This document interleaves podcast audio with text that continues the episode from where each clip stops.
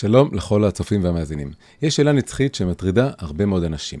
מה הדבר העיקרי שאדם צריך להתעסק בו? האם תיקון העולם או תיקונו העצמי? האם האדם צריך לצאת ולהתגייס לתיקון המציאות החיצונית, להפוך את העולם לטוב יותר, או שכל זה בעצם רק בריחה מהתכנסות פנימה ותיקון העולם הפנימי שלו, המכאובים והפגמים האישיים שלו?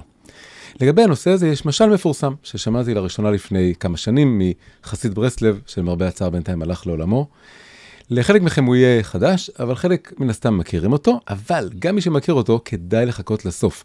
כי אני הולך להוסיף לו בסוף twist ending, תפנית מפתיעה בעלילה, שלא נמצאת בגרסה המקורית המוכרת, אז שווה לחכות לסוף. המשל מספר על יהודי שיום אחד החליט שהוא רוצה לתקן את העולם, לתקן את כל העולם, לגאול אותו. העולם מלא רוע, אי צדק, מלחמות, מחלות, בעיות נפשיות, בעיות בין אישיות. לא ייתכן שנעמוד מנגד ונסבול את כל הדברים האלו. צריך לקום ולעשות מעשה, ובמקום שאין אנשים, ישתדל להיות איש.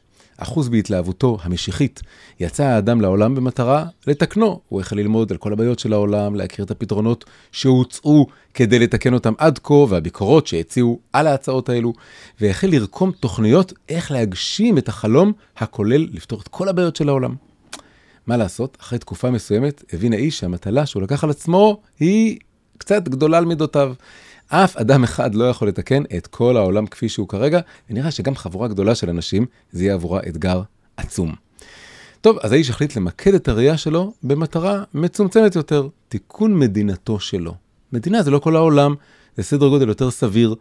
אז מצויד בעילת הסבירות הזאת, יצא האדם לתקן את המדינה שלו, הוא ישב ללמוד את כל הבעיות המדיניות, הכלכליות, המוסריות, החברתיות של המדינה, החל לשבור את הראש איך לתקן אותם. אבל אחרי כמה זמן ניחשתם, הוא הגיע למסקנה שגם זה גדול עליו. מדינה שלמה עם מיליוני אזרחים, זה לא בא ברגל, זה לא בא בקלות.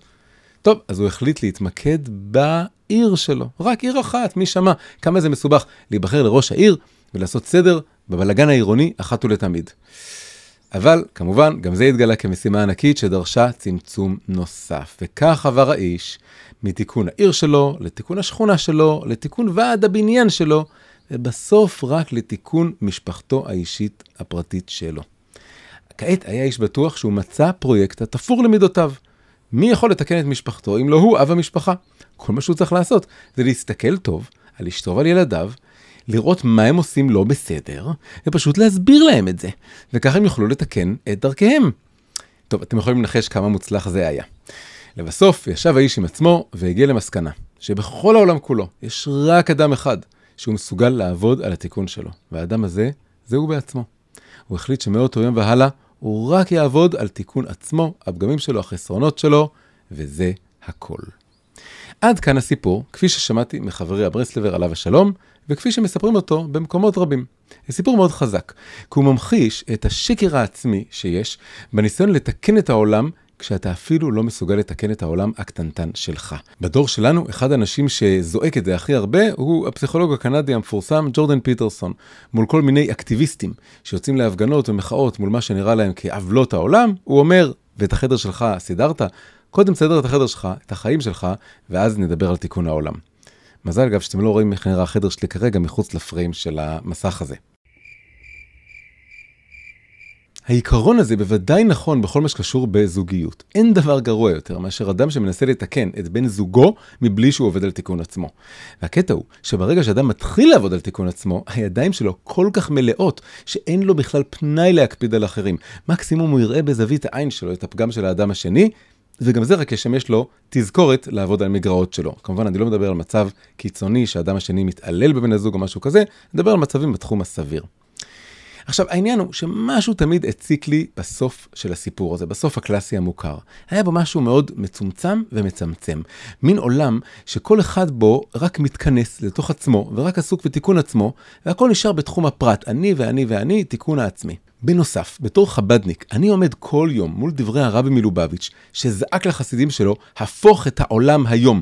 הוא קרא לכל החסידים, ולמעשה לכל מי שהיה מוכן להקשיב לו, שהדבר החשוב ביותר בעולמו הוא שכל אדם יהיה שליח.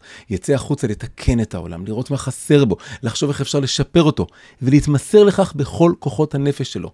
איך כל זה הולך ביחד עם המשל על האיש שהבין בסוף שהוא יכול לתקן רק את עצמו. עד שיום אחד שמעתי מישהו שאומר שהסיפור בעצם לא נגמר. כן, כן, היה כתוב The End והחלו כותרות הסיום, אבל יש מה שנקרא Post Credit Scene. יש סצנת בונוס שמוסיפים אחרי הכותרות, למי שחכם יודע לחכות עד הסוף. בסצנת הבונוס רואים את האדם יושב עם עצמו, ופתאום מגיע להבנה שגם לתקן את הבעיות הנפשיות שלו זה בור בלי תחתית. זה אין סוף עבודה, שחיים שלמים לא יספיקו לו. או אז מגיע האיש למסקנה שאם ממילא הכל חסר תקנה, כולל הוא בעצמו, כבר עדיף שהוא יחזור לתקן את העולם כולו. הסצנה מסתיימת בכך שהוא חווה שוב את כובע השליחות שלו ויוצא החוצה לתקן את העולם. הסוף הזה הוא עוד יותר עמוק מהסוף המקורי, ויוצאים ממנו שלושה דברים מאוד מאוד יפים. דבר ראשון, יש כאן ההבנה שתיקון עצמי זה לא כזה piece of cake.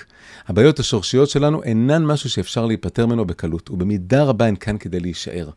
אנחנו צריכים לעבוד סביבן, כמו שעץ רק מוסיף טבעות, לא מוחק את הטבעות הקודמות.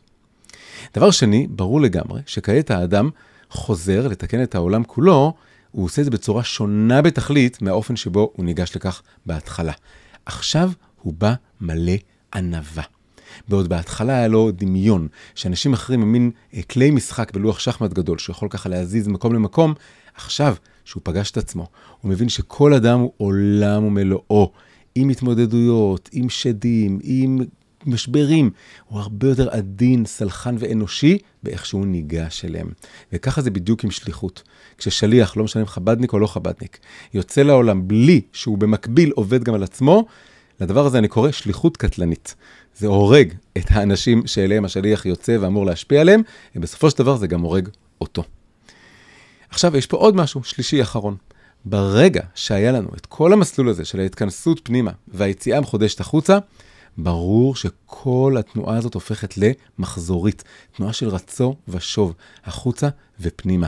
כל גיחה לעולם מזינה ונותנת השראה לתיקון העצמי. וכל גיחה פנימה לתיקון העצמי משפרת ומדייקת את האופן שבו ניגשים לתיקון העולם. עד כאן להיום, מה חשבתם על הקטע? אשמח שתגיבו באזור התגובות, וכמו תמיד, אנא עשו לייק, עשו מנוי לערוץ, שתפו עם החברים שלכם, ואנחנו ניפגש בסרטון הבא.